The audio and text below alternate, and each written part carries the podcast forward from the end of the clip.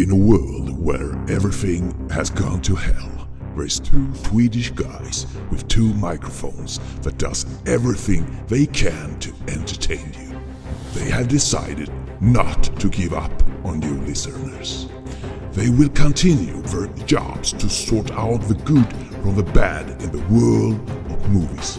No one can stop them to put out their shows in the air. Now, sit back and enjoy when a brand new episode of TT Film Podcast come to you. Rated R. Nej men då säger vi hej hej till alla där ute som lyssnar på TT Film Podcast. Och den här gången ska vi prata om ödlor, apor, gigantus, skådespelare som inte behövs, fighting-scener som vi inte ville ha. Vi ska prata om dataspelsfigurer. Vi ska prata om att slå sig fri från dataspelsfigurerna. Vi ska prata om hundar. Vi ska prata om prickar. Vi ska prata om mode. Vi ska prata om hårfärg. Vi ska prata om sex fast bara själva ljudet. Vi ska prata om flickor, vi ska prata om förhållanden, vi ska prata om att pojkar inte kan vara vänner med vissa kön här ute, som då är flickorna vill säga. Vi ska prata om det mesta, plus, tror jag, en liten bonus som jag inte vet om just nu. Välkommen till ett podcast! Och välkommen till dig min kära poddkollega på andra sidan. Tack! Du presenterade just ett fyra timmars program lät det som med allt det där, vad det nu innebär, det vi ska prata om. Fantastiskt! Ja, ja men precis. Ja, vi kan se vad det blev för någonting. Det, det, det lät bra i alla fall va? Ja, det blev det. Väldigt gott och blandat. Det är ungefär som eh, alla de godaste godisbitarna i en godispåse. Om man plockar bort de här gula godisarna för de är inget goda. De gula godisen är goda. De tycker jag om ju. De smakar ju diskmedel ju. Så här yes diskmedel som man hängt, hällt upp i en diskbalja med alldeles för lite vatten. Så smakar de. Nu ska jag visst erkänna att jag tycker inte något av det där är så jätte, jättegott. Men de gula är helt okej. De tycker jag om. Bättre än de här eh, svarta med hål i. Nej men det är, de är ju bäst ju. Lakritsarna, sötlakritsarna som ser ut som revolvrar. Åh, vad goda de är. Det är ungefär som i podden, vi, vi har ju slutat tycka om samma filmer totalt. Det märkte vi i förra avsnittet. Jävlar vad oense vi Ja, var. jag har smak och du inte har den. Ja. Ja men det, är- det är kul tycker jag. Det är, det är jätteskoj när vi inte håller med varandra. Och när det finns lite differens i smaklökarna här det gäller en film. ja, precis som man får corona där man inte har någon smak alls. Eh, Är det du det? Jaha, tack för den du. Men å andra sidan är det bättre att ha, inte ha någon smak alls än att ha en skitsmak. Ja, det, må vara hänt. Eh, vi har ett väldigt eh, fullspäckat program här idag och bara för det så har jag knökat in ytterligare en sak här innan vi ska gå in på de här eh, filmerna som vi ska prata om. Oväntat va? Innan du knökar in det där så vill jag knöka in en annan sak också. Okej, men det är klart, knöka in någonting före mitt knök. Ja, det här är bara information egentligen. Ja, okej. Och det är att lyssna till slutet av podden den här gången. Lyssna till slutet. Det blir en överraskning där. Mm, det var min grej. Menar du att det är en post-credit-scen i slutet av avsnittet? Ja, eller post-credit ljud eller vad blir det för någonting i en podcast? Påminn mig om att jag ska, innan eh, post-credit-scenen kommer, så ska vi prata om post-credit-scener i, eh, i ett segment i den här, i en av filmerna vi ska prata om. Eh, rätt in, intressant iakttagelse från min eh, son, faktiskt. Ja, Eh, ja men, me- absolut. Men mer av det senare. Mm. Vi har ju sett en massa film den här veckan då. Vi har ju alltid en sån här fullproppad vecka inför de här programmen. Men jag har även lyckats eh, klämma in en serie här som jag har sett på Netflix faktiskt som jag tänkte öppna med här. Okej. Den bara dök upp i mitt flöde här och jag tyckte posten såg riktigt eh, smaskig ut och titeln gjorde ju så att jag blev nyfiken. Bara liksom en titel på en eh, miniserie på åtta avsnitt som kallas för Brand New Cherry Flavor. Do you know the name Lou Burke? He's a producer, wins Oscars and shit. He wants to meet with me. So you liked my movie? Truth is, I've been looking to take more chances. Maybe you're the chance I've been looking to take. You said you could hurt someone for me. What did he do to you? This world is predators and prey. He took the only thing I care about. Say what you want. I want to set his life on fire.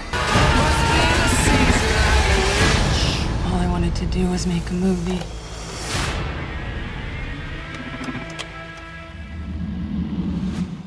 Är det någonting som du har eh, snubblat över? Jag har sett titeln och jag har sett trailern på den men jag kan faktiskt inte placera vad den innehöll. Men jag har en känsla att den faktiskt kändes helt okej. Jag ska dra en lite plotline på den här. Jag har sett sex stycken av de åtta avsnitten. Eh, och det här är nog bland det flummigaste jag har sett på länge faktiskt. Ah, det är den. Då vet jag vilken det är. Den ska jag se. Det handlar om Lisa Novak. Hon är en aspirerande filmmakare och regissör, en ung sådan också. Och hon har lyckats vad hon tycker att göra en fantastisk liten pärla till skräckfilm, fast i kortfilmsformat, ungefär som han David S. Sandberg gjorde med den här Lights Out ungefär. Eh, Så hon tar med sig sin lilla film och reser till Hollywood för att se ifall någon får upp ögonen för henne. Och sen eh, snubblar hon på Lou Burke som är en sån här stor Hollywoodproducent. Eller ja, han var väl en stor Hollywoodproducent. Han har liksom inte haft någon hit på flera år. Och han eh, kikar på Lisas kortfilm och han blir helt till sig i trasorna. Eh, han vill köpa option på hennes eh, film och göra den till en långfilm då istället. Och så skriver de kontrakt. Eh, Lisa som har eh, väldigt mycket skinn på näsan. Och hon vill ju regissera sin egen film i fullängden då. Men hon läser inte riktigt kontraktet så noga så hon blir blåst. Eh, Och han i princip köper filmen av henne och hon har ingen rätt till den överhuvudtaget. Så han snor den rakt helt enkelt för henne. Så då blir hon skitförbannad och vill hämnas. Och, och så hamnar hon i kontakt med en märklig kvinna som kallas för Boro som bor i gammalt hus som är överfullt av gröna växter. En sån där tant som kan det där med förbannelser. Och så erbjuder hon eh, Lisa att hjälpa henne och slå Louis bokstavligt talat hans liv i brand mot en väldigt skum valuta. När den här förbannelsen är fullgjord då, då börjar Lisa på regelbunden basis kräkas kattungar. Där du! Det. Är alltså betalningen. Den var ny. Ja, den är ny. Och det är liksom betalningen för hon Boro då. Typ en gång i veckan eller så, så då kräks Lisa upp en, eh, ungefär som en hårboll så här, som en katt kräks en hårboll. Men då kräks hon upp en nyfödd kattunge istället.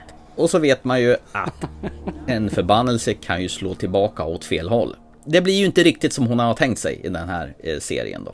Och det här är nog fan det bland det knepigaste jag sett på länge. Om du tar en indie-skräckis, alltså som är lågbudgetskräckis med inslag av David Lynch, Twin Peaks eller David Cronenbergs sån här body horror-skräck. Och en jävla massa flum och massa sköna karaktärer. Så ja, den finns på Netflix, åtta avsnitt.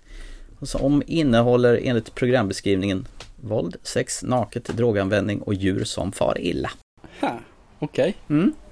Är det så illa som eh, det låter? Visserligen kräks man upp katter så känns det lite grann som de får illa, ja. Jo. Spe specialeffektsteamen har väl fått jobba hårt gissar jag på. Men det här är ju så nice så det finns inte. Jag har ju liksom klämt den här på ganska det är ungefär 40 minuters avsnitt så de är inte så långa i och för sig. Så att de här sex avsnitten och åtta har ju gått med en rasande fart och jag har två avsnitt kvar. Och det är så oförutsägbart skruvat och knepigt och det är så mycket härliga karaktärer så att det här var mums filibabba. Det här gillar jag och det kan jag rekommendera starkt. Brand new cherry flavor. Jag fattar inte varför titeln heter som det gör men man kanske får en förklaring innan serien är slut. Men eh, udda och annorlunda. Nice. Jag har sett den. Jag kom, när du sa det här med att det var skumt, weird och konstigt så kommer jag ihåg vilken det var. Ja. Och den gav en eh, rätt så skön smak faktiskt kände jag när jag såg den här. För den, den är verkligen... Det känns som den är utanför boxen om vi säger så. Utanför den normala ramen. Totalt utanför boxen. Det är ju ingenting som man egentligen har sett förut. Men som sagt, lite touch av David Lynch och David Cronenberg faktiskt. Eh, inspirationskällorna finns nog där och nosar någonstans. Men förbannat underhållande och jag insåg att det här är ingenting som min sambo vill se så den här har jag tittat på själv. Det är inte för alla om man säger så. Nej, nej men det, det är acquired taste. Så är det. Nej men trevligt. eh, Jag hade den på, eh, under radarn visserligen så jag hade. Eh, När jag ändå har dig här så vill jag ändå tacka dig faktiskt. Jaha. För att du rekommenderade eller pratade om en film som jag faktiskt tänkte skippa för att jag hatar genren. Jaha. Eh, Blood Red Sky. Ja, just det. Den här eh, vampyr eh, ja. filmen med terrorister på ett flygplan och eh, Snakes on the plane with thanks. ja, och Michael Scofields eh, storebrorsa. Den var riktigt förbaskat nice. Jag, jag tycker inte om eh, vampyrfilmerna som sådant. Eh, Den sista riktigt bra vampyrfilmen jag såg innan den här var ju Byzantium. Mm, just det. Så att det, det var ju några år sedan där om vi säger så. 13, 14, 14, 15 någonstans där. Nej, den- här är är bra. Inte i samma genre som Byzantium, men den, den håller och den är lite, lite, lite annorlunda mot eh, normalt sett. Jag tyckte faktiskt om den. Den, den, den, eh, tilltalade mig jättemycket. Min son såg den nästan till slut också. Vi fick göra en paus där, tyvärr. Mm. Eh, behövde gå ut med hundar och sådana saker. Sen såg inte han klart den, men jag såg klart den. Och det, slutet är ju generiskt, ska man säga, men vägen dit är ju eh, blodrött skynke. Oh, vad gött. Det var inte så här mycket Nice. den där grejen att hon var vampyr utan det var ju mera vad, vad som påverkar av hennes eh, tillstånd där och hur lillsonen får ta en jävla massa ansvar och vägen dit och sen Ja, backstoryn precis. är ju rätt så skön som de mejslar in också. Du får en bakgrundshistoria Ja, då. varför hon hamnar där hon gör. Den håller så den gör. Den håller verkligen. Mm. Eh, sen hade jag hoppats på ett annat slut, men äh, sluten är inte viktiga som jag har sagt tusen gånger känns det just nu. Nej. Gött, vad va Ja, kul! nej, tack så mycket för den. Vad kul att du gillar den. Så För en gångs skull tycker vi samma sak. Ja, usch vad äckligt. Ugh, så kan vi inte ha det. Ja. Så jag tycker vi raskt går vidare. För nästa film får vi se verkligen om vi håller med. För den här filmen har ju du kastat ner soptunnan. Brutalt, rått och våldsamt. Gång efter gång. Så du har hoppat på den några gånger också liksom. Och kört ner i en sån här tuggmaskin. låtit hunden bajsa på den och sen så bara gått därifrån utan ens titta sig bakåt. Och då tänkte jag att den här kan ju inte vara så dålig. Nej, Eller hur? Men det var ju lite roligt när vi pratade om den sist och bara nej det här är ingenting för mig, den här hoppar jag, den här vill jag inte se. Och sen när den dök upp på, på våran lista på kommande filmer som, som vi, vi kan få ta del av från SF Studio så bara Vänta lite grann. Jag vill nog se den där i alla fall. Saken är den att jag hörde ju från flera håll, andra poddar och överallt, de skrev att det här är faktiskt en bra film. Och då kände jag liksom att jag vet hur du är ibland. Du missar ju poängen. Det är kanske lite för svårt att flyga över huvudet ibland här alltså. Så jag tänkte att du måste ge den en chans. po- är inte vi en podd då? Så här, vi hört från poddar. Jo, men du var bara en, var ju bara 50% av den här podden som tyckte det var kast. För en 50 hade ju faktiskt inte ens sett den. Eh, Vad är det vi pratar om det så Åh, att våra lyssnare även Vi förstår? pratar om Godzilla och King Kong. I made a promise to protect her. He did the same. It's Godzilla. We need The world needs him.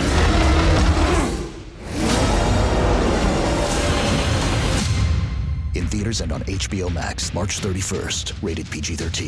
Det här är väl en sån där som de har krattat allt sedan Skull Island och Godzilla-filmerna när de ska merga ihop det här Monsterverse där de här två titanerna ska få göra upp. Det har ju varit populärt med sådana här äh, Jason vs Freddy och sådana här versus-film, Batman vs Superman och det är väl klart som tusan att det var bara en tidsfråga innan de här två jättemonstren ska drabba samman i, i en sån här Rampage-liknande miljö. Och vad jag kommer ihåg där så tyckte du den här var hur dålig som helst. Den, den, jag, tolkar det som att han platsar bland en av årets sämsta just nu. Ja, vi- vi säger så här då. Det var väl... Behållningen var väl att se min son eh, som är 11 år tindra med ögonen när han fick se en riktigt stor monsterbatalj på vita duken. Då blev jag ju lite glad. Ja, ja. ja men, och det köper jag. Det köper jag faktiskt. Men hade han inte funnits där, nu när du tänker tillbaka på själva upplevelsen av filmen, inte bara din sons Ja, upplevelse. då hade jag ju inte gått och sett den här på bio. Så att nu när den väl Ah, damp ner på Blu-ray så var jag ju tvungen att se den en gång till för att fräscha upp saker och ting. Ja, du har gjort det alltså? Ja. Det var trevligt av dig. Jag Ja. trodde faktiskt du skulle nästan skulle strunta i det. Nej, jag tänkte jag ger den här en chans till då för att så jävla hemskt kan det ju inte ha varit så att säga. Men vi kan väl börja med din upplevelse och du kan väl eh, li- Absolut. lite snabbt bara dra en jättesnabb synopsis för det här är ju skrivet på en pappersnäsduk. De ska flytta King Kong till en säkrare plats. Eh, finns lite underliggande agender där med givetvis. Eh, när King Kong kommer ut så helt plötsligt kan Godzilla känna var han är någonstans. Och de här har ju haft gammalt groll tillsammans sedan urminnes tider när titanerna slogs mot varandra. Och det här grollet ligger då, verkar som det ligger DNA-mässigt i dem. Så du känner av då kan pejla in på honom och sen så blir det då en resa till den här The Grand Finale. Där eh, The Gigantus-monstren ska då slåss mot varandra. Ja, det räcker så. Räcker det som synopsis? Ja, verkligen. Och sen har vi lite människor som springer runt i periferin som eh, bihang. Fast fakta är att jag, jag har hört det för många sådana här, men jag tyckte att människorna fick mer plats än vad jag trodde de skulle få. Jo, de får ju rätt mycket plats, men det är ju totalt Ja. i onödan. Ja, kanske. Ja, kanske. Mm. Nej, men, eh, Vi kan börja så här då istället. Om man ska titta på det. Jag jag vill nog ta det här. För jag skulle vilja tona ner egentligen Godzilla och King Kongs medverkan i den här filmen. Men jag tycker ändå de har fått lite mer plats än vad jag trodde. Och jag känner nog att man kan tona ner Gigantusvarelserna lite mer i filmen. Då hade man nog kunnat göra den här filmen intressant. För det finns en backstory där som jag tycker faktiskt är ganska okej. Så man skulle spunnit vidare på lite grann. För gjort det kanske annorlunda men ändå på ungefär samma sätt. Men det är ju det här som du, som du sa. Det är ju egentligen Hulken. Gamla tv-serien. Man har en fight i början och så har man en fight i slutet. Det sa du när vi pratade om det förra gången. ja, just det. Två... Ja. Och däremellan så Mm. är det en, en transportsträcka mer eller mindre ish kan man väl säga. Mm. Jag tycker scenerna, fighter-scenerna är helt okej för en 11-åring. Mm. Eh, För mig som är 40 plus så är det liksom inte riktigt, det, det blir lite för mycket CGI och framförallt när de till och med under en strid har problem med skalan. ja, de ändrar King storlek hela tiden. ibland och liten ibland och det är liksom under en och samma strid och jag, jag känner bara nej, nej, nej, det går inte. Ena stunden så är han hur stor som helst, andra stunden så är han bara en liten schimpans jämfört med Godzilla. Ja, ja. Jag bara känner, det där går inte. Fasen alltså, kom igen. Mm. Datorn kan hantera skalan, skit i det själva, men de var väl tvungna att göra på något vis. Antar jag. Men det retar mig kopiöst, det gör ju. Mm. Eller det är ju hela filmen det sker, så det är inte bara fighting-scenerna, men det var specifikt där som jag kände var kräkvarning lite grann. Men jag tycker fighting-scenerna annars är helt okej. Jag tycker faktiskt skådespelarna gör ett ganska bra jobb. Storyn är inte så jävla dålig som jag trodde den skulle vara. Det är en actionfilm, det är 11 år. Eh, Man kräver inte så mycket där faktiskt. Jag tror därför din son tyckte det här var jättebra. Mm. Jag tycker det finns plot holes och det finns lite konstigt agerande och framförallt i karaktärerna bara what? Why? Och varför då?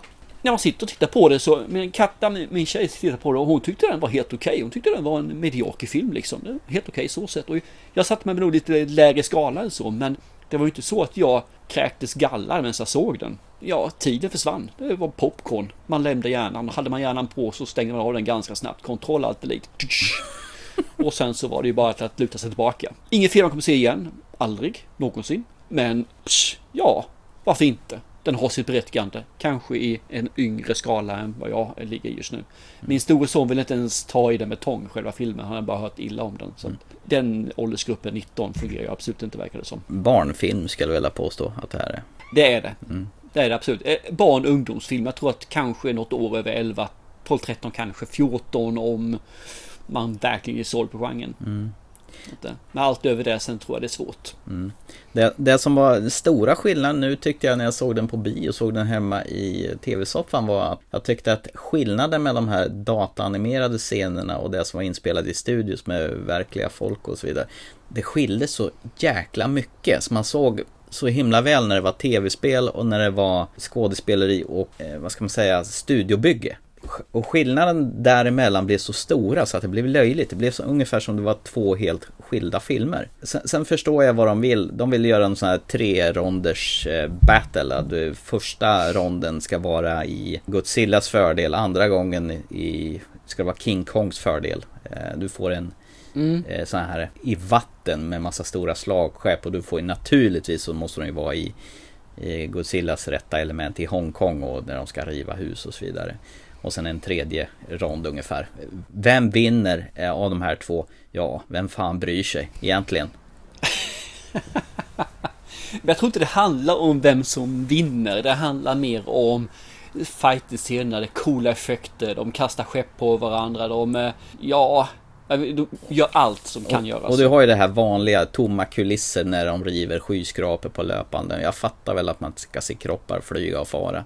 Men det blir ju så jäkla tomt och plastigt. Och så generiskt Mm. det här med de här byggnaderna de, som de kastar sig emellan. Och, Det de försökte lösa det var ju att de gjorde ju evakuerade ju. ja, De säger att de evakuerar, men man evakuerar ju inte en hel jävla stadsdel på 15 minuter. nej det är lite svårt va? Lite sådär ja. Ja. Men jag, jag, jag, jag skiter i det faktiskt. Jag, jag, jag lämnar det där hem. I- Jag, kan, jag kan svälja det. Det är man väl tvungen till att göra. Men sen har ju den här sidohistorien med hon Millie Bob Brown från eh, Stranger Things och eh, den här podcasten, han som ska avslöja Mm. det här stora företaget, hennes, han Julian Dennison som, som springer runt och ser glosögd ut. Jag tyckte den var ännu tråkigare än vad jag minns den historien, så äh, den kunde man ju... Och det, det är en av de storiesen som jag känner också liksom att eh, var, varför, när, hur. Eh, nej, Mm. jag förstod det inte heller. Så jag köper det med. Men det är en storyline och den är bort med den. Ja. Men jag håller med, den, den för- tillför ju inte någonting av värde egentligen. Mer än att filmen blir lite längre. Det, det jag kan slu, slutgiltigt säga det är väl att det är som att se på tv-spel. Jag, jag kan uppskatta att spela tv-spel men jag gillar inte att titta på det. Speciellt när jag inte själv får styra. Det får man inte göra när man tittar på det. Nej, det får Då man spelar inte. man. Nej. Mm. Så att det- mitt betyg kvarstår från biobesöket. Det här var ren jävla smörja, tycker jag. Ja, jag tycker att den har sin plats. Eh, Yngre segmentet, absolut. Den här är ju lite grann Jurassic Park, eh, Jurassic World-stuket. Mm. Den har sin plats. Det här kommer att dra igen. Det kommer säkert komma en film till av något slag, kan jag tänka mig. Mm. Och jag tror den kommer gå bra den också. Men skillnaden på Jurassic Park är att dinosaurierna ser ju faktiskt trovärdiga och verkliga ut. Även original Jurassic Park som från den första, men det här ser så jäkla datanimerat. Det saken är att du är 40 Ja. plus. 11-åringar bryr sig inte lika mycket om sånt. De köp, sväljer väldigt mycket, mycket mer än vad vi gör när det gäller sådana saker. Vi har sett för mycket filmer, har för mycket ryggsäck och erfarenhet. Och därför retar vi oss på det. Och det finns massor av miljoner kids där ute som ser det här och när de går och ser det så går du och tittar på det med din son. Ja. Och njut av att din son är hänförd. Ja, fast den här gången såg jag den här själv och då hade jag ju inte ens hans lyckliga ögon att bli glad över. Så att då fanns ju ingenting kvar med det hela. Jag, jag, jag har sett inte här till någon jättebra film, men den har sin plats. Det har den. Den har verkligen sin, eh, sin fanbase. Som den har. Ja, det har den ju förstås. Det är väl därför de här funkar så pass bra. Godzilla har ju sin fanbase och Kong har ju sin fanbase. Och då är, jag gissar väl på att det blir väl en sån där som syntare och hårdrockare var en gång i tiden. Vilket lag ska man hålla på egentligen här? Lag Kong eller lag Godzilla där? Och, ja, man får ju faktiskt reda på i filmen vem som är tuffast och starkast egentligen. Ja, precis. Stämmer, stämmer. Och det tänker jag inte tala om vilken är. Det får man väl se själv om man går igång på sånt där. Godzilla will come for him. Ska vi dra vidare till nästa bonussegment? Eh, jaha, vad, är det då? Eh, biobesöket. Ja, ja, förstås. Ja, ja, absolut. Från det ena lättsamma popcornsmörjan till det andra då. Eh, det lät ju jättepositivt. Min son fick ju önska, han, var, han, han kom här för någon vecka sedan. Kan vi gå och se Free Guy på bio? Eh, Ja, visst, det kan vi väl göra, sa jag då. För jag uppmuntrar ju alltid ett biobesök, speciellt som min son Mhm. är en, har blivit en sån här riktig biogormant. Att han, han verkligen uppskattar det där att få sätta en mörk salong när det är tyst och fint och man inte blir störd. Och som sagt, jag har försökt uppfostra honom till att bli den perfekta biotittaren som bara finns. Och det blir ju helt omöjligt när det sitter en gammal gubb. en äldre farbror i några platser bredvid och sitter och blippar med sin mobiltelefon mitt under, före och sitter och pratar högt med sina eh, kamrater bredvid och lyser upp. Jag menar, hur ska man kunna rättfärdiga till sin lille son när inte ens gamla gubbjävlar kan sköta sig på bion? Sa du inte till då? Va? Sa du inte till? Nej, jag gjorde inte det. Och jag, jag, det var väl lite granna som när vi såg eh, Suicide Squad. Att man tänker väl att ah, det blir snart så högljutt. Jag, jag, jag kommer inte störa sådär, men jag gör ju det ändå. Han blir ju ett störmoment i periferin. Även om man sitter tre platser bredvid till höger så rätt som det är så slår jag den där ögan och ser att han sitter med den här, med den här mobilen och den här lyser upp den, vad heter det, mobilskärmen i mörkret och han sitter där och tjatar liksom. Jag vet inte varför man inte säger till. Egentligen ska man ju bara ställa sig och kan inte du stänga ner den där och hålla käften helt enkelt. Ja, Jag gör det ganska ofta faktiskt, gör jag, men eh, ibland gör jag inte det. Det beror på lite grann så, men oftast säger jag faktiskt till. Mm. Så att, eh, jag ber dem att släcka ner telefonen. Men det är ju, det, är ju svårt om den personen sitter för långt bak. Men lite grann som när, den sista filmen vi såg på liksom. Ja. När de sitter tre eller fyra rader bak. Man reser sig inte upp och vänder sig bort mitt under filmen. Utan då, då är det som det är. Ja. Man kanske ska ta med sig en Nerf gun och sen bara med sån här automateld så man kan peppra på dem om de inte slutar. Det vore väl något. Testa det får du se. Ja. Men för att återgå till filmen Free Guy då. What if you discovered your entire world was a game? Guy, it's a video game. Is this what recreational drugs feel like? In two days, the game is going to shut down. What if we can save it? Everybody get on the ground! Hi. This isn't you. You don't do this. Maybe I do. Please, stepmother. Dude, this is scary. He's just resting. In pieces. That man is dead. He's so sleepy. This is the first time I've ever driven a car before. I really wish you'd mention that. Yeah. Yeah. We're coming for you. Nope. I can't die. I'm never gonna die. Free Guy. We love you, loser guy! Thank you. Watch out for them. They seem nice. Rated PG-13. August 13th. Only in theaters. Det handlar om Ryan Reynolds eh, karaktär som heter Guy. Och han bor i Free City. Det är någon slags Eh, Grand Theft Auto-esk liknande stad där. Alltså tv-spelet Grand Theft Auto. Alla som är och spelar tv-spel vet vad GTA är. Eh, men han eh, jobbar i alla fall på bank och han vaknar upp varje morgon, hälsar på sin guldfisk, äter samma frukost och tar vägen förbi kaffeshoppen som bara serverar jättehett kaffe med mjölk. För det är precis vad alla i den här stan vill ha. Låter lite grann som eh, The Lego Movie. Ja, precis. Det var exakt så jag kände när det här började. Det här är ju en, en live action version av Lego Movie faktiskt. Vad kul att du tog den referensen också bara av att jag sitter och berättar för det här. Då är, då är det inte bara jag då. Han känner alla där och hälsar på poliser och så. Helikoptrar drar in i byggnader, folk blir nedslagna och bilar exploderar och missiler flyger kors och tvärs. Det är en, som sagt en helt vanlig dag i den här Free City. Och väl på banken när han kommer in så träffar Guy sin bästa polare som heter Buddy. Bara en sån sak. Guy och Buddy. Och han är säkerhetsvakt. Och de pratar om att ta den där ölen på stranden. Eh, när en rånare kommer in och kräver att alla lägger sig ner på golvet för annars ska han minsann avrätta precis alla. Eh, Guy och Buddy de fortsätter sin lilla konversation helt lugnt och stilla på golvet och det här är ju ingenting onormalt. Det är ju så här det är i den här stan. Och så här pågår det dag in och dag ut tills den dagen då Guy får se en läderklädd brunett på gatan med svincoola glasögon som man lär sig gå under namnet Molotov Girl. Och han blir, han blir helt betuttad i den här brunetten och plötsligt så börjar han följa efter henne och mötet med henne gör att han börjar sakta men säkert frångå sina invanda mönster och börja tänka själv. Och allt förändras ännu mer när han kommer över ett par sådana här coola glasögon som alla de här våldsverkarna som springer runt i den här stan och skjuter med. Och i den riktiga världen utanför så börjar chefen Antoine blir riktigt jävla förbannad på att den här Guy-killen sabbar hans open world-spel. För Guy ska ju bara vara en NPC, det vill säga en non-playable character. En sån där förprogrammerad bakgrundsfigur som har ett givet mönster. Det är väl egentligen eh, grundpremissen i den här filmen då. Och den är lekfull och det är en lättsam komedi som hamnar lite i samma fack som du sa tidigare, Lego-filmen då. Lite DNA Boss Level också, den här som vi såg för inte så himla länge sedan. Ja, okej, okej. Han som vaknar upp i samma dag och hamnar i en loop. Fast jämförelse med Lego-filmen så är han Emmet kan ju lätt överföras till han Guy och Antoine kan ju föras över till han Lord Business, vet han, den här med jätteben och så. Och allting är ju likadant varje dag. Eh, till och med den här kaffeshoppen där alla köper likadant kaffe är ju med.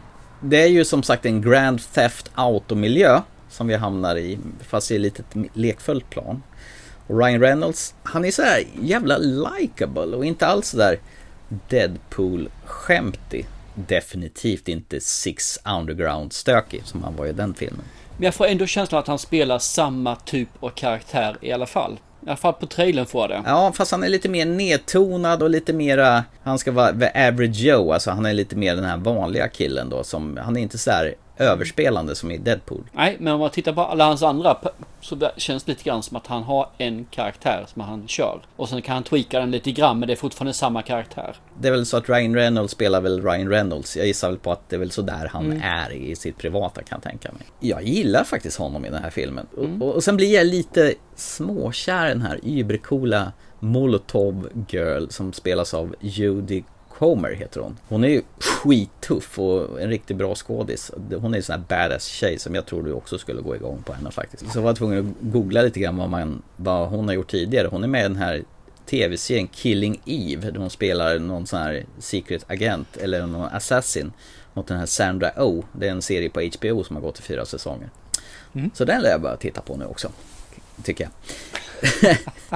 och sen har du Taika Waititi. Du vet han som är Hitler i Jojo Rabbit och han som har regisserat eh, mm. Tor Ragnarök. Eh, han spelar tv-spelsföretagsledaren Antoine och han får ju spela över det och det grövsta. Men han är ju superhärlig den här filmen faktiskt. Free City 2 is backwards compatible. It was in the commercial. You said there'd be the same characters in the sequel. Well, here's the thing. When I said that, I was like, Listen, Antoine, the game is already buggier than ever. I got a stack of user complaints like a mile high. Look, I know it sucks, but the IP recognition is rock hard, okay? So don't even worry about it. I'm just saying, we could make an original game. What? Make it original? Why would I do that when I can make a sequel? Sequel? So we could make it better?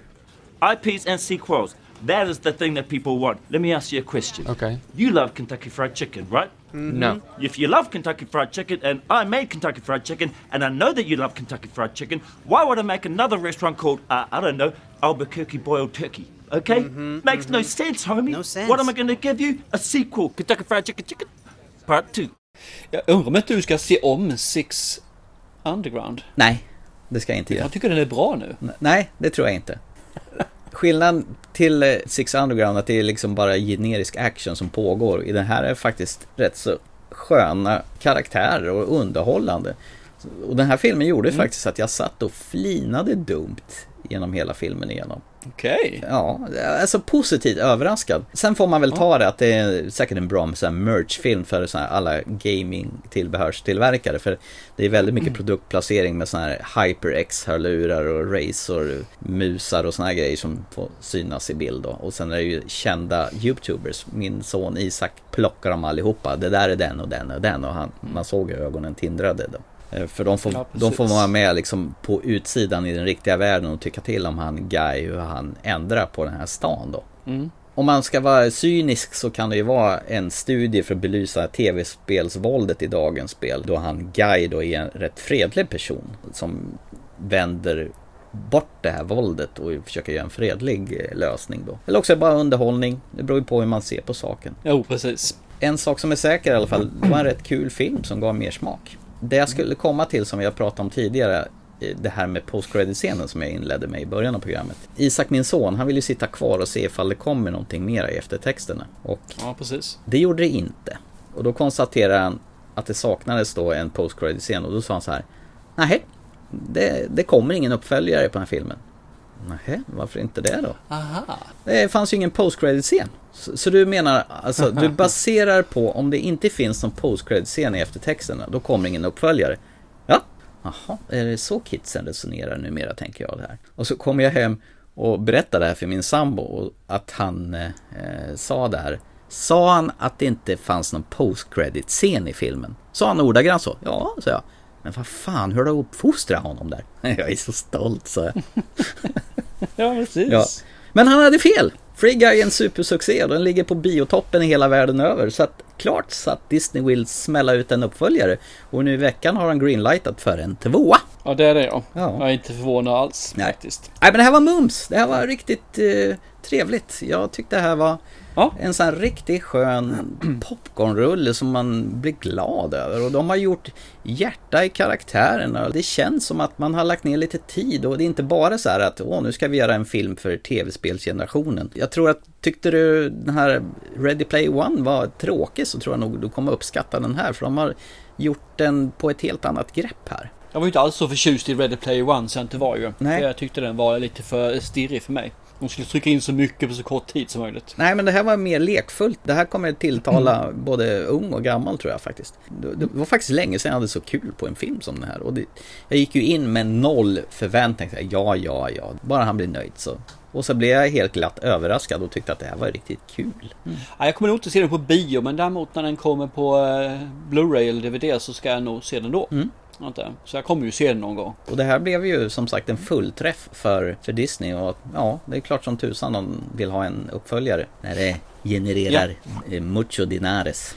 Ja, men Disney är ju inte de här som eh, gör kvalitetsfilmerna egentligen. De gör ju pengafilmer. Så givetvis kan man då enkelt skaffa sig ytterligare x antal miljoner dollar genom att göra en uppföljare som då är oftast enklare än första filmen. Så mm. kör, det förstår jag också. Och mitt i den här filmen när det börjar närma sig mm. slutet, då helt plötsligt så nallar de på både Star Wars och Avengers. Så jag tänkte, vad fan har de köpt loss rättigheterna till både Star Wars och eh, Marvel här? För jag menar, det är en 20th Century Studios. Men vänta nu, det är Disney som äger hela skiten. Det var ingenting. Hur, mm -hmm. hade jag otur när jag tänkte igen. Exakt. Jag hakar med upp när du säger mitt i filmen när, slut, när filmen nästan är slut. Ja. Att du sa det. Mitt i filmen när filmen nästan är slut. Ah, ja, okay. Eller i början, eller tvärtom. eller i början, ja, okej. Okay. Ja. Ja.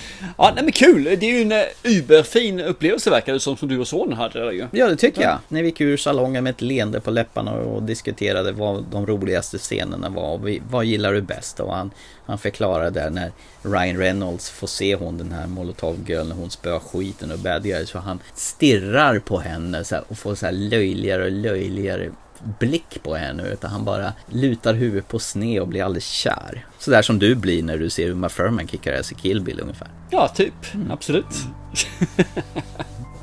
det låter ju otroligt. Jag var nöjd sådär. Vad kul att lyssna på det och framförallt är det jättekul att du fick en sån upplevelse så det är bara att gratulera.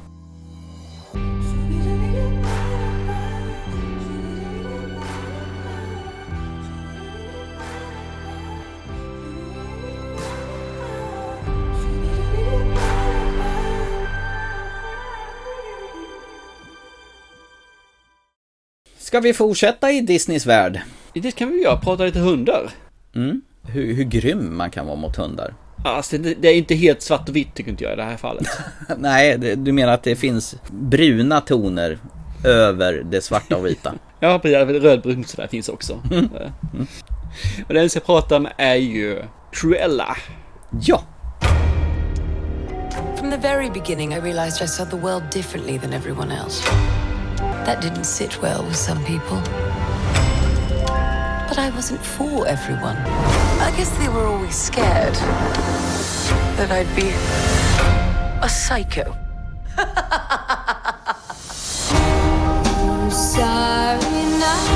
but a new day brings new opportunities. And I was ready to make a statement. How does the saying go?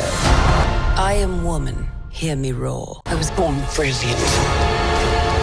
Born fast. And a little bit mad.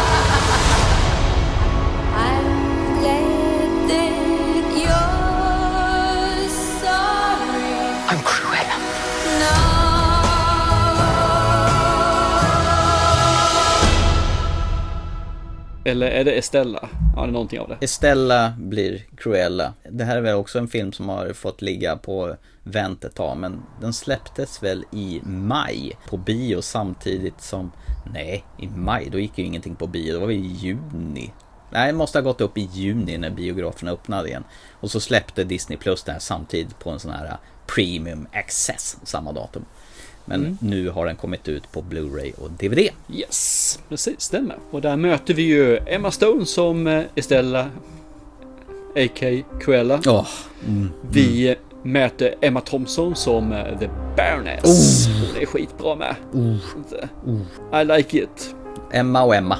Så det är ju Ja, det är, det är de stora affischnamnen kan man väl säga egentligen ju. Mm. Och så har, har vi några stycken till man känner igen, men det är väl de som är det the big thing kan vi säga i den här filmen. Mm.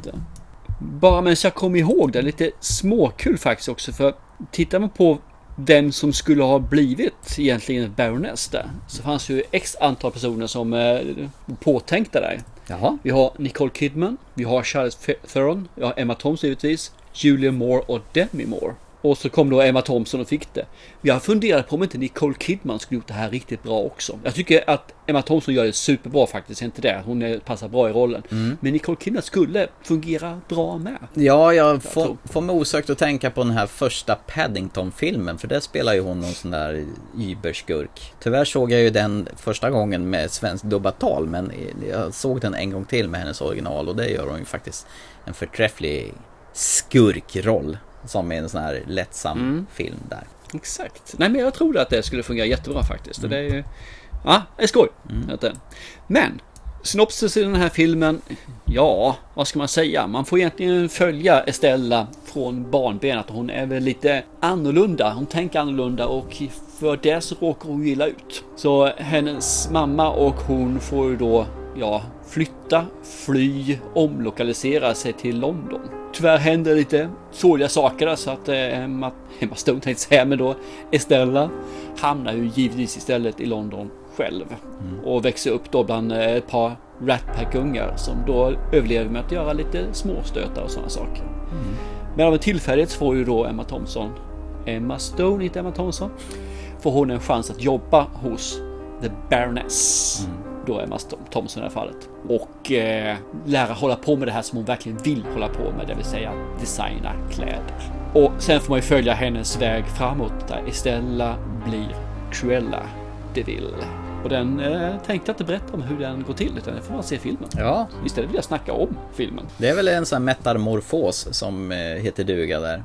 Ja, ish, får man väl säga va? Egentligen gru- grundstenen finns ju där från början för Emma Stone. För hon är ju som sagt redan från när hon är liten jävligt udda och hamnar lätt i konflikter och rätt så Ja, hon försöker väl förändra sig själv för att göra mamma glad och så här. Så att eh, det finns ju redan där som sagt var i unga år att hon är ju på ett visst sätt. Men det, det jag vill säga om den här filmen med en gång, det är ju att det här tycker inte jag är egentligen en prequel på Dalmatinerfilmen. Jag tycker den här ska stå på egna ben. Tänker man bort det, att det här inte är en Dalmatinerfilm, utan det här är Cruella No less, no more. Så blir filmen så mycket bättre. För du ska inte vänta och se att det ska bli så här, det ska bli så här, det ska bli så här.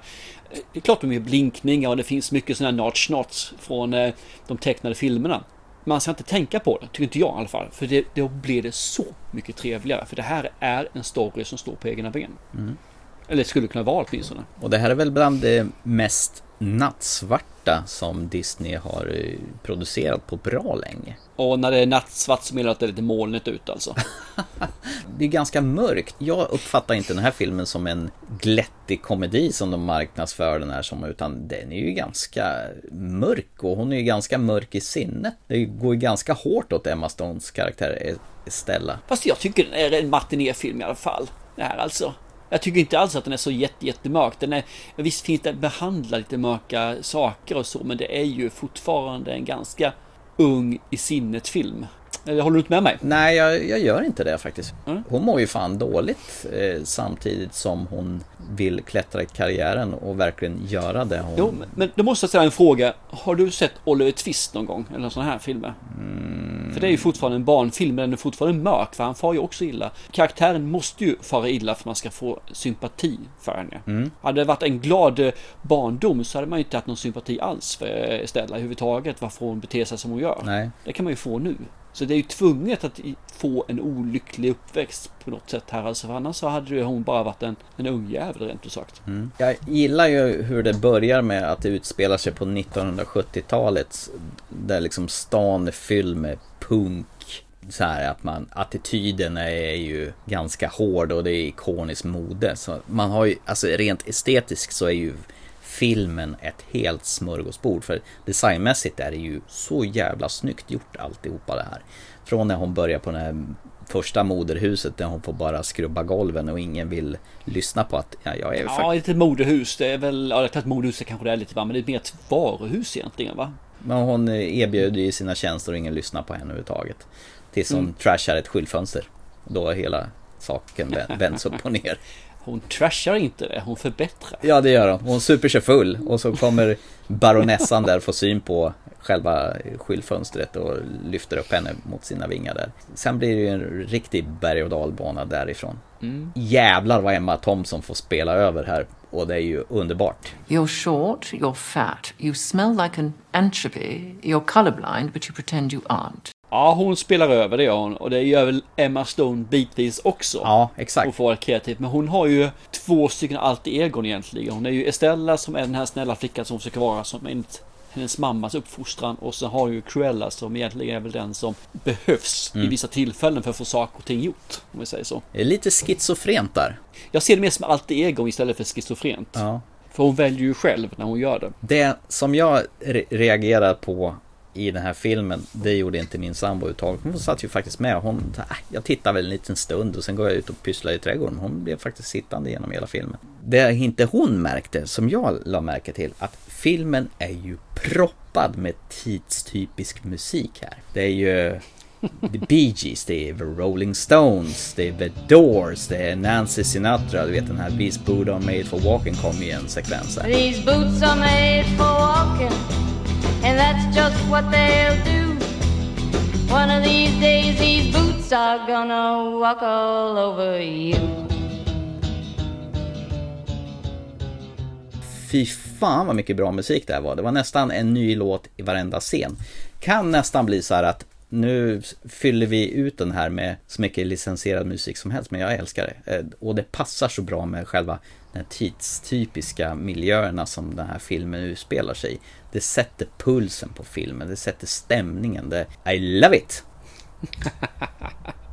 Okej, jag såg den här tillsammans med min tjej här som sagt var. och Hon sa efter 20 minuter att du, det här är inte bra. Nej, jag sa du behöver inte se på det. Jag ska se på det för vi ska prata om det i podden ju. Ja. Mm, sen gick hon. Så hon tittade 20 minuter ish på filmen. Men oj! att, eh, hon var inte alls lika hänförd som du verkar vara i det här fallet. Är det för att det var elaka hundar i början? De här dalmatinerna var ju allt annat än mysiga, gosiga såna här som man ser i de tecknade filmerna. fast det, det här var ju någonting jag reagerade med en gång. Hundarna. Mm. Både hennes hund och eh, vid viss till i början där när de var valp. Ja. Och även den här enögda hunden som de har, de andra gänget har. Ja. Det var så jävla dåligt animerat. Så Aha. fruktansvärt dåligt animerat. Och lika var faktiskt dalmatinerhundarna också jävligt dåligt animerade. Så du menar att det inte var riktiga hundar alltså? Eh, nej, och det syntes ju i rörelsemönster och hur de betedde sig. Det var ju någon gång de ramlade, hoppade ner från eh, tak. Ja. Eh, håll i taket ner på madrasserna och den landar på alla fyra och står helt stelt. Oj. Vänta lite grann. Nej, nej, nej. Det- vill inte. Usch vad dåligt. Det, det såg inte jag. jag Ta tro- bort den scenen istället. jag trodde det var riktiga hundar som var tränade. Ja, i viss fall var det det. Men i vissa scener var det ju inte det. Och det syntes så väl för det var hur de sladdar och hur de gör det. Nej, det blir inte bra. Usch, det blir inte alls bra. Ja, jag köpte det totalt, eh, till skillnad från den här lökiga, äckliga King Kong Godzilla-filmen där det såg ut som ett tv-spel. Så du menar att de, sånt, de var inte verkliga alltså? Nej, det var de inte, men det här tyckte jag såg verkligt ut. Aha. Jag tyckte de var Ja, helfestliga. Speciellt den där hunden med lapp för ögat tyckte jag var svincool. Ja, jag kan garantera för det att det var en hel del animerat här som sagt var. Ja, ja, du som är hundägare, du ser väl sånt kanske? Oh ja, absolut enkom därför. Ja, bara så. Tog du den här scenen, jag måste bara fråga, du som är en, riktig nörd när det gäller såna här eh, svartvita filmer. Ja. Men hon är ju inne i ett, i ett hotellrum och så går det en TV vid sidan om. Mm. En sån här svartvit liten burk. Såg du vilken film det var? Mm, Nej, det gjorde jag nog inte. Jag tycker du borde göra, för du har ju faktiskt gått igenom i stort sett alla Alfred Hitchcock-filmer nu här ju. Jaha, var det någon... Det här var Lifeboat från 1944 var det som gick där bredvid. Jaha, okej. Nej, det bommade jag faktiskt, ärligt talat. Ja, jag trodde du skulle ta den faktiskt. Du har sett de filmerna rätt nyligen. Så att, eh, Mm. Men eh, du kan inte tycka de här gamla filmerna är så bra längre. Jo då, det gör jag. Eh, jag, jag tycker det är rätt så kul med den här show-offen som finns mellan Emma Thompson och Emma Stone här. Mm. Hur, hur de hela tiden försöker liksom, hon ska ju vara på toppen, Baroness Estella eller Cruella i det här fallet vill ju då säga att Mm. jag kan göra det här bättre och hon är en haspin. I am the future. Mm. Det blir liksom en, en fight i modebranschen, vilket är ju så jävla tråkigt sig själv, modebranschen alltså. Mm. Men fighten blir kul. Ja. För det blir liksom att de går ju verkligen over top när det gäller kreationer. Framförallt då eh, Estella då, i alla fall, eller Cruella menar jag. Ja. Det, det, det är gosigt, det är lättsamt, det är väldigt eh, gulligt i sättet de gör det på. Och jag, jag vet inte, jag, jag tyckte den var rätt så trivsamt den delen alltså. Mm. Sen så tycker jag väl att Emma Stone, hon är jävligt bra skådespelare. Så hon är. Jag tycker om henne, hon är fruktansvärt bra. Men jag köper inte riktigt hennes utseende som Cruella. Det är det som är lite grann, men det kanske man har hur Cruella ser ut i de animerade serierna man växte upp med. Och det är kanske lite grann det. Hon gör jättebra ifrån sig, skådespeleriet är ju suveränt. Det är mer utseendet som jag känner bara att nej, det är inte riktigt rätt. Det köper man efter taget, det är inte mer med det. Men där i början innan man kommer in i filmen så är det lite motstånd för mig. Mhm. De som inte har sett de gamla kommer inte ha något som helst problem med det huvudet. För där kommer ju hon vara Cruella all the day, alltså 100%. Mm. Men inte, hade du, har du någon historia med de gamla animerade filmerna alltså? Eh, ja, jag har en eh, faktiskt. När vad heter det, Pongo träffar den här Pedita på en sån här Super 8 projektorrulle som... Jag hade två filmer. Dels var det Musse som är för sent till någon dejt. Och sen hade den här Pongo-filmgrejen där han som spelar piano går ut i någon park och, trä- och träffar den här kvinnan då som de sen blir tillsammans med hur de här hundarna parar ihop varandra. Ja. Det är väl egentligen det, för jag har aldrig sett själva hela filmerna eh, i sin helhet utan jag Ja, har den okej. här tre minuters snutten som man körde utan ljud på en Super 8 projektorfilm.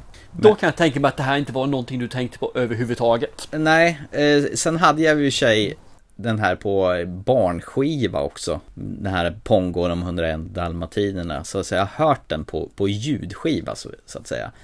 Och den här Mm. låten Cruella de Vil som kommer i, i slutet på filmen. Eh, där någon spelar den på piano. Det, det slog ju liksom en sån där nostalginerv som heter duga. Eh, Ah, okej, okej. Framförallt jävligt onödigt, men jag fattar ju varför. För de, Disney har ju beställt en Cruella 2 naturligtvis. Vilket är totalt jävla onödigt, vilket den här filmen, som du sa tidigare, borde stå på sina egna ben utan att referera till Dalmatin-filmerna, tycker jag också.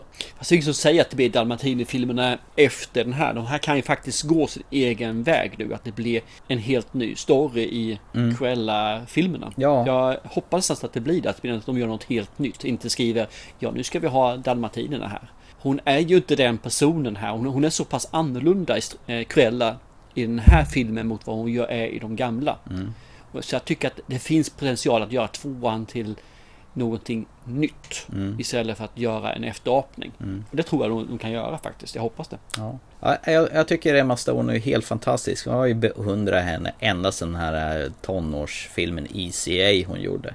Eh, Och hon går bara Mm. från klarhet till klarhet. Hon kan hoppa i vilken roll som helst. Även om det är komedi, drama. Hon, hon sätter det ju. Ja, men det gör hon. Hon har, hon har en bred lyra som hon kan Ja, verkligen. spela efter. Alltså helt klart. Så att det här var en fröjd för ögat den här filmen. Eh, Alltså estetiskt sett, hennes skådespel och samspelet med Emma Thompson som är den här riktiga jävla bitchen som, som verkligen kör med allt och alla. Och är inte hon nöjd, då, då jävlar. Då, då ska man... En skål för mig. Ja, en skål för mig. Va, trodde att jag skulle skåla för dig. Varför då? Det är ju jag som betyder någonting. Vilken jävla übernarcissist hon är. Och det är så härligt. Så att, eh, jag, jag tror nog de hade jättekul med inspelningen av den här filmen. Eh, Och jag tycker den är punkig och jag gillar den mörka med filmen. Ämnena i den här filmen, det är ju allt annat än en barnfilm tycker jag. Så att min, jag frågade min lillson om han ville se den, men han var inte så intresserad. Och jag tror nog det var rätt bra att han inte såg den här. För jag tror inte han hade gillat den här faktiskt, ärligt talat. Det tror jag faktiskt. Tror du? Jag tror att den här tilltalar den yngre gruppen av människor. Är mer än vad den egentligen tilltalar oss här uppe. Sen gillar jag ju det här med det här modekriget som de har. Vissa har ju jämfört den här med en film som heter The Devil Wears Prada med, eh, nu ska vi se, vad fan heter de? Meryl Streep som någon sån här modehäxa som kan Mm. översättas till Emma Thompson. Och sen är det ju, då kommer det in någon sån här ung tjej som eh, kommer in där och som börjar kriga med henne. Så att den är tydligen lite snodd därifrån vad jag förstår. Men jag har inte sett den så jag, jag kan inte jämföra. Jag kan inte riktigt hålla med så antingen göra faktiskt där. Eh, Eller ja, inte vad jag minns i alla fall. Jag har inte sett den på jättelänge. Men Ja, du har sett den? eh, jag skulle nog inte. Ja, jag har sett den absolut. Okej. Jag skulle inte sätta ett likamedstecken där. Det är klart det kanske finns eh, någon litet grann. Ja. Men nej, nej, det skulle jag inte göra faktiskt. Okej, men the bottom... Men det är jag. Ja, det är du. Ja, det är... Bottom line alltså, jag tyckte det här var oväntat bra. Jag tyckte det här var riktigt mums. Jag kanske skulle ha kortat av den lite grann, för han klockade över på 2.15. Den kunde ha gärna sladdat in under två timmar. Men för övrigt har jag ingenting att klaga på. Jag tyckte det här var riktigt jävla skitbra film. Jag tyckte det var fantastiskt bra. Ja, och jag måste ju säga med en gång att det här är ju en film du har valt som Mm. vi skulle se. Ja. Och jag gick väl med på att ja men absolut vi tar med den här då. Mm. För din skull. Ja, tack. Så får du vara med lite grann och bestämma i podden också. Ja, det tack. klagar du ju alltid över annars. Ja. Så jag gick ut in med några förutsättningar överhuvudtaget att det här var någonting. Och jag man säger så här, jag vart ju inte besviken. Det har inte varit Nej. på den. Jag tycker också det här är helt god film. Alltså det, är, det är en skön film, det är något man hänger till. Det jag tror absolut du ska se den här med din son. Alltså jag, jag tror inte han eh, kommer tycka den är dålig, utan för tvärtom. Mm. Jag tror han kommer att tycka eh, karaktärerna är roliga och han har fått ut någonting av det. Jag tror faktiskt att mina söner faktiskt skulle kanske tycka de också att han är rätt okej. Jättegod film, men jag anser det här fortfarande, det är en matinéfilm det här. Och du måste vara beredd på karaktärer som är over the top. Det, är liksom inget låg med skådespelande här utan folk tar i från tårna. Eller som en känd regissör sa, du måste ta i med könet! Ja, just det. Så att, eh, nej men det är, det är en jättemysig film. Det är alltså. Eh, Håller med, två timmar, 14 minuter är för långt. Eh, de hade lätt kunnat dra ner den till eh, 1.52 eller något liknande. Och det hade inte gjort filmen sämre för bättre. Det var inte så att jag tittade på klockan någon gång under hela filmens längd. Så det, spelade, det var inte så att den var dålig på grund av längden. Det är bara att den hade inte varit sämre om man hade kortat ner den. Mm. Så absolut, ja, jag tror att de, många kommer tycka om den här filmen. Är, jag, jag kan inte se en åldersgrupp tyvärr som jag säger inte tycker, tycker om den. Men det är en matinéfilm så du får nog ha lite barnasinne kvar. Så du får ha alltså. Svårt att dela in på vem som ska se och inte se den. Ja, det- det är nog som jag säger. Tycker du inte om over top karaktärer så tycker du inte om den här. Nej. Och tycker du inte om matinéfilmer som är lite... Man vet ju ungefär hur det slutar i alla matinéfilmer. Tycker du inte om det, håll dig borta. Vill du uppleva något nytt med Emma Stone där hon gör faktiskt en lite annorlunda grej mot vad hon brukar göra. Top notch, se filmen. Mm. Och tycker du om eh, Emma Thompson överhuvudtaget, ah, då är det ju en no-brainer. Det är bara att köra där med. Gillar man musik från 70-talet då får man ju sin lystmästare. Du får ju till och med Rolling Stones Sympathy for the Devil inklämt. Och det passar ju bra med tanke på att Cruella Devil, eller Devil som det uttalas, som bilen. Ja, jag upptäckte musiken också och tänkte att det här kommer ju säkert eh, Hellberg gå i taket för. Vilket hade rätt i. Ja, det är så underbart. Du är så enkel så du är. Ja. Nej, det var Mums Filibabba. Jag gillar det här jättemycket. Det här är- kan jag rekommendera till alla att se. Välspelat, välregisserat och alldeles underbart. Thomas Askungen Hellberg. Ja. Cruella DeVille, she's born to be bad, so run for the hills. Cruella DeVille, Cruella DeVille, the fear on your face, it gives me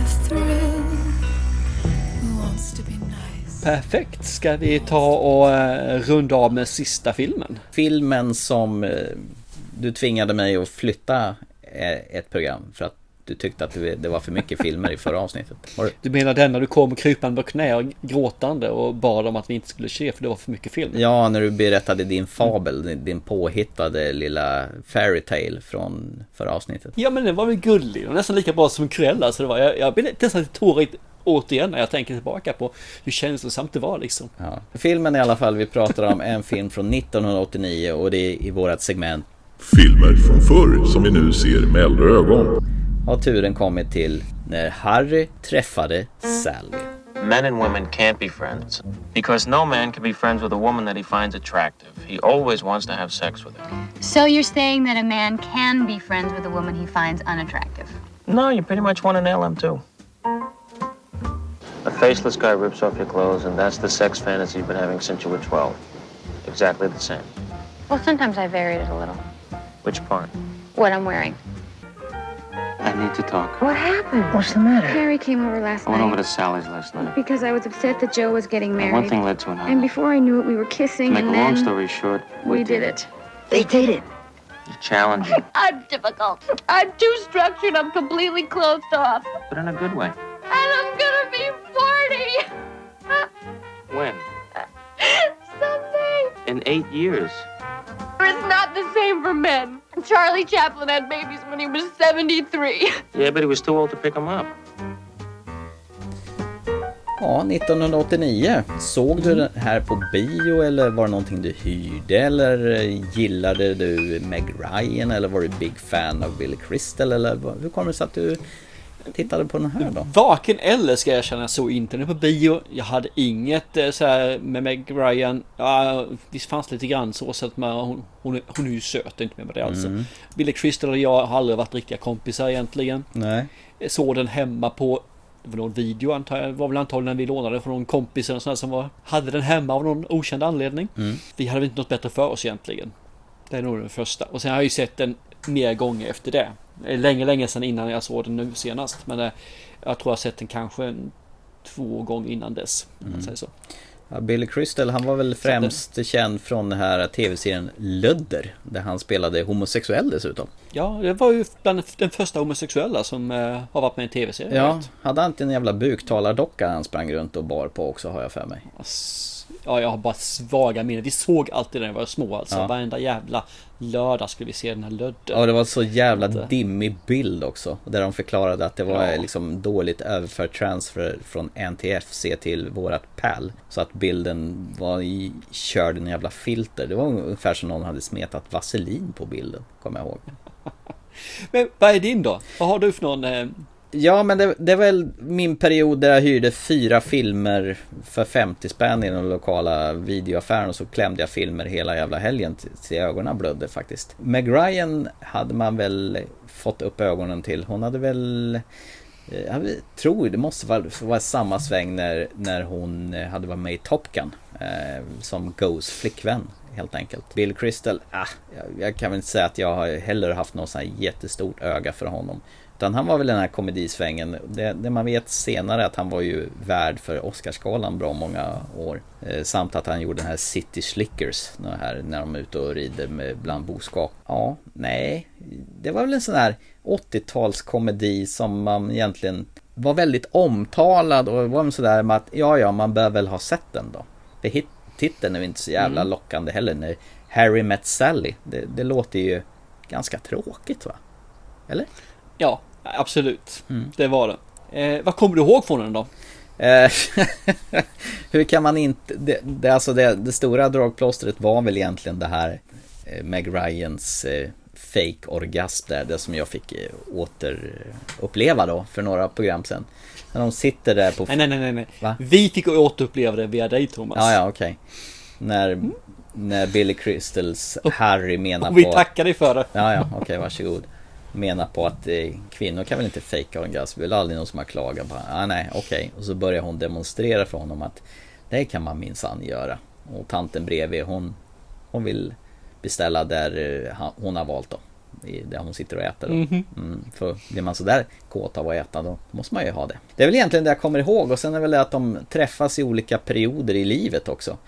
Det jag däremot inte kommer ihåg att det var Carrie Fisher var med. Jag tänkte bara prinsessan Leia när jag ser henne i den här filmen. Ja, precis. För det är väl ungefär samma tidsperiod som de spelar in.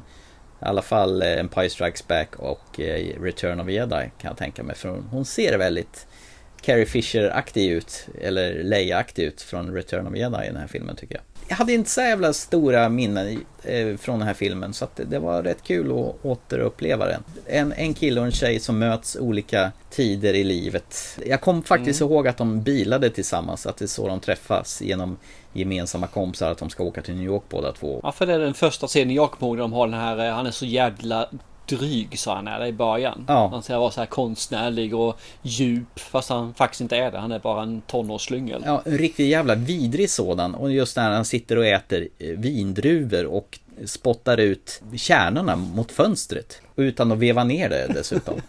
Nej men det är väl det, de här kända dialogscenerna som jag kommer ihåg mest egentligen. Mm. Eh, Jag hade glömt bort jättemycket filmen kom jag på när jag sett den, så det är inte med med det. Nej. Men det är just den här gången när de pratar om just att en man och en kvinna inte kan vara det här och Mm. de var vänner då alltså. Ja. Och så har vi orgasmscener givetvis och sen finns det några stycken till när de träffas liksom och de har förändrats lite grann. Mm. Det kommer jag ihåg. Men mycket av scenerna är ju jättesuddiga för mig. Alltså jag kommer inte ens ihåg en del av dem. Och eh, även den här sista kända kommentaren som man har när de träffas slut liksom. Mm. Den, den har jag faktiskt glömt bort. Det kom från den här filmen. När han kör sitt brandtal menar du? Nej men det här alltså, när man träffar en tjej som man vill tillbringa resten av livet med så vill man att resten av livet ska börja med en gång. Och man kan ta det där att man stör sig på alla den, den Mm. här tjejens eller partnerns E- eh, egenheter. egenheter där. Precis. Den här jag glömt bort att det var från den här filmen och det, det är ju ett jävla fint tal faktiskt. Sliskigt och dant är det men eh, fan ja.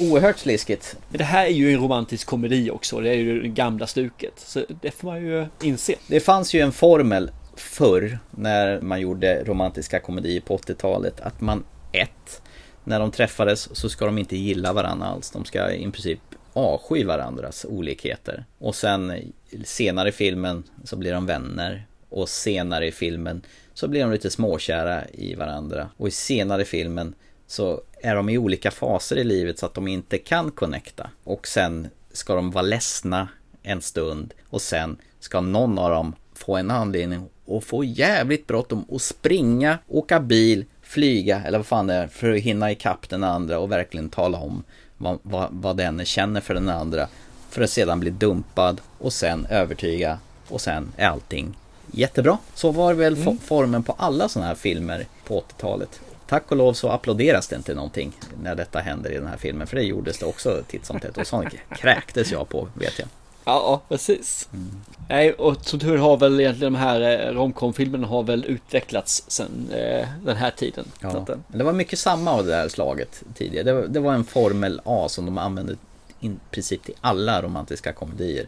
Det är just det att man, de inte ska gilla varandra i början. Att de kommer från Mm. kanske också samhällets olika skikt. Att den ena är rik, den andra är fattig och de har helt olika värderingar och så. Men hur kul är det annars att de möter varandra, faller tycker, tycker för varandra och sen inget mer? Nej, det är, ingen film av det heller. Det måste finnas någon slitning, annars blir det liksom inte bra. Nej, men det är ungefär som du och jag skulle tycka alla filmer är jättebra tillsammans. Och bara, ja men det var väl bra, okej. Vad känner du är skillnaden från första gången du såg den, eller sist såg den, gentemot när du såg den nu då? Mm. Det som jag kom ihåg, det är väl att jag tyckte att Billy Crystals rollfigur var jättecharmig och så. Det jag kom ihåg det, det är ju att de träffas lite med olika perioder i livet. När man får reda på när man ser den igen att det går väl ungefär 4-5 år mellan varje. Ja, ish någonstans. Ja, ish där och de är i olika faser i livet och hon har träffat någon och, och så vidare och han träffar någon och, och de försöker para ihop sina kompisar med andra och de försöker gå ut och träffa andra och så inser de ju att de båda trivs ju bäst i, i deras egna sällskap där. Men det jag för min själ inte kan förstå nu, vilket jag tyckte var rätt charmigt då, att de här två hör ju ihop så fruktansvärt mycket tyckte jag då. Men nu kan jag ju överhuvudtaget inte förstå vad Sally överhuvudtaget ser hos Harry.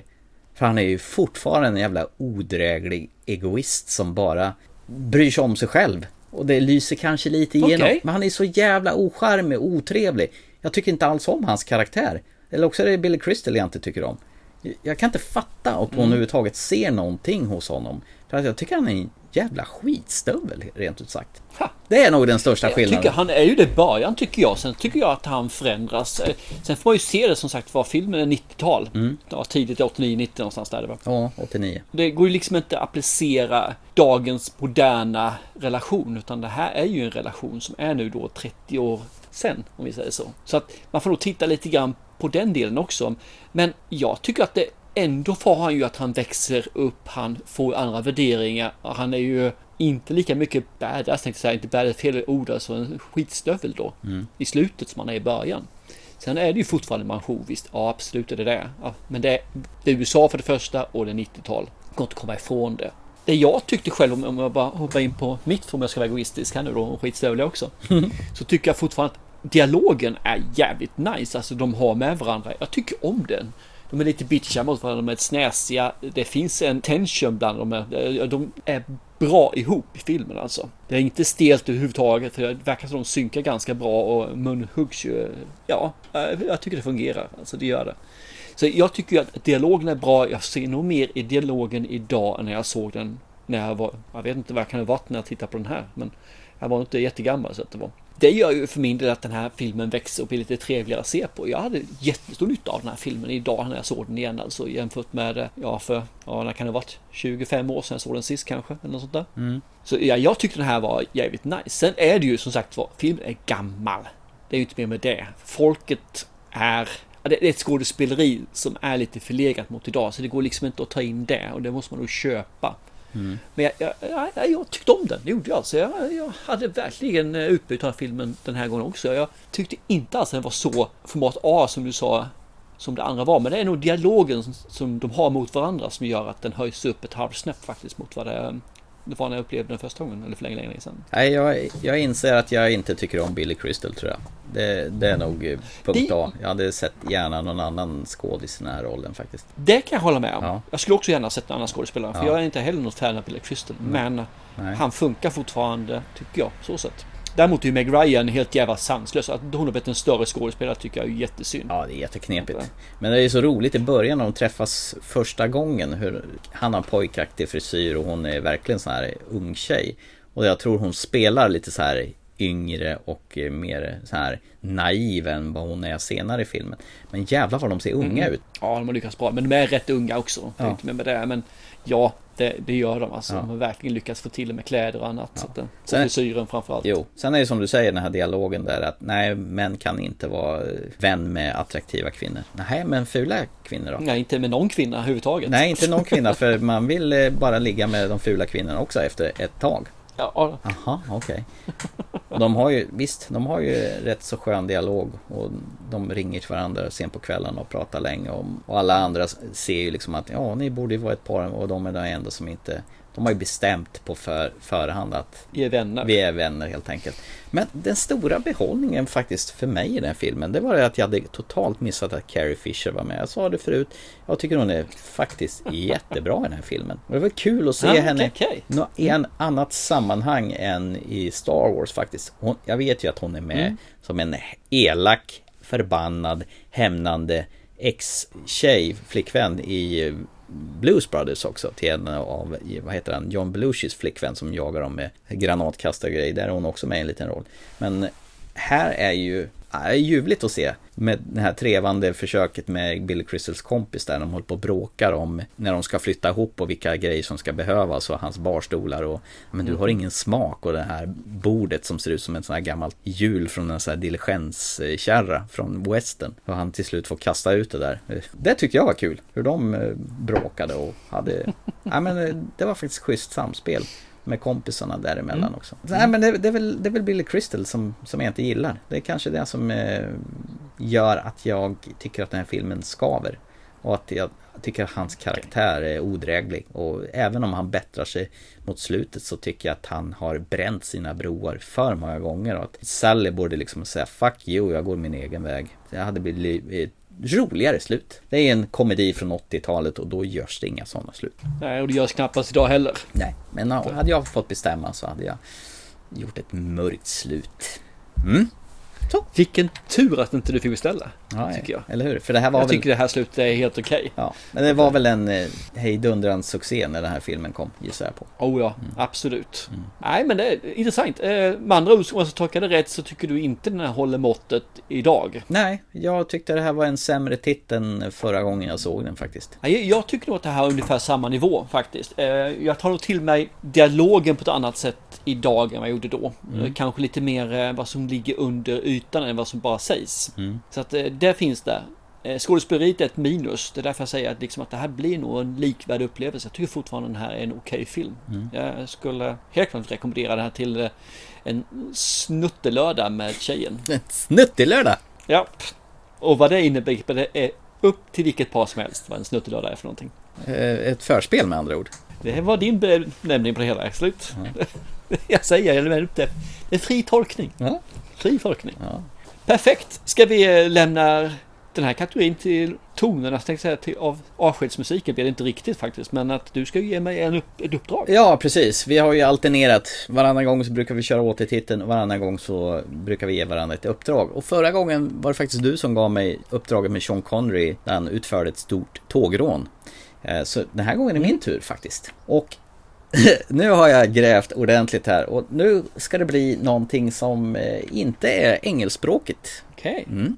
Du ska få se en film tillverkad i Argentina från 2014 som har fått en eh, engelsk titel som heter Wild Tales. Originalet heter Relautos Salvajes. Eh, från 2014. Okej. Eh, två timmar och två minuter där sex stycken människoöden flätas ihop till eh, en och samma historia, mer eller mindre. Eh, det här kan bli spännande. Eh, kan bli en dikeskörning eller det kan bli någonting som du kommer jubla över. Så det visar sig om jag får ris eller ros av dig när du har tittat på Wild Tales från 2014. Du tar en chansning med det då alltså? Yes, det gör jag. Men det brukar jag göra när jag ger dig uppdrag faktiskt.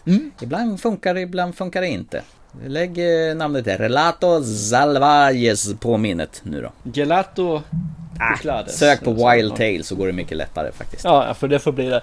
Har du kollat var den finns att hitta någonstans? Eh, ja, den finns eh, lättillgänglig på SF Anytime för 29 spänn. Det är inte så svårt att få tag i den. Okej, perfekt. Ja, men då så. Då kör vi på det. Lysande! Mm. Ja. Det tackar jag för. Absolut. Varsågod. Nej, men det är väl lite kul med, för en gångs skull, en icke-engelskspråkig film. Det är inte så jävla ofta det sker i, i podden. Jag tror faktiskt vi bara sett en enda argentinsk film innan den här i podden. Just det, och den var ju skitbra. Mhm, precis. Kommer du ihåg vad den hette? Det var någonting med ögon, i hennes ögon eller någonting. I hennes ögon? Ja, Precis. jag såg den amerikanska remaken med Nicole Kidman som var pruttdålig i jämförelse Japp. med den här. Så att eh, jag tror de kan det här i Argentina också, kanske. Ja, vi får se. Vi får se. Eller inte. Den Precis. som lever får se. Men då tackar jag för den och sen så gör vi väl det vi alltid gör i podden va? Eh, ja, vad då? Vi eh, lägger ner den. Jag säga det gör vi inte alls det, men vi avslutar den. Okej, lägga ner den. Ja, nu har vi poddat klart här. ja, precis. Ja, vi avslutar för ikväll och eh, ni andra eh, se en, två, tre, fyra, fem, sex. Ja, se hur många filmer ni vill tills nästa gång. För vi hörs fortare innan ni hinner säga Free Guy. Ooh. Chip chip. Hej då! I think they have an okay time. How do you know? I mean, how do I know I know? Because they. Yes, because they. And how do you know they really. What are you saying? That they fake orgasm? It's possible. Get out of here. Why? Most women at one time or another have faked it. Well, they haven't faked it with me. How do you know? Because I know. Alright, that's right. I forgot you're a man. What is that supposed to mean? Uh, nothing. It's just that all men are sure it never happened to them, and they most women at one time or another. You do the math. You don't think that I can tell a difference? No. Get out of here. Oh. Oh. Oh. Oh, God. Are you okay? Oh, God. Oh. Oh. Oh, yeah. Yeah. Right there. Oh. Oh, yes. Yes. Yes. Yes. Yes. Yes. Oh. I'll have what she's having. Med tanke på det där kan man tro att du aldrig har hört en kvinna få orgasm. Rösten var suveräna.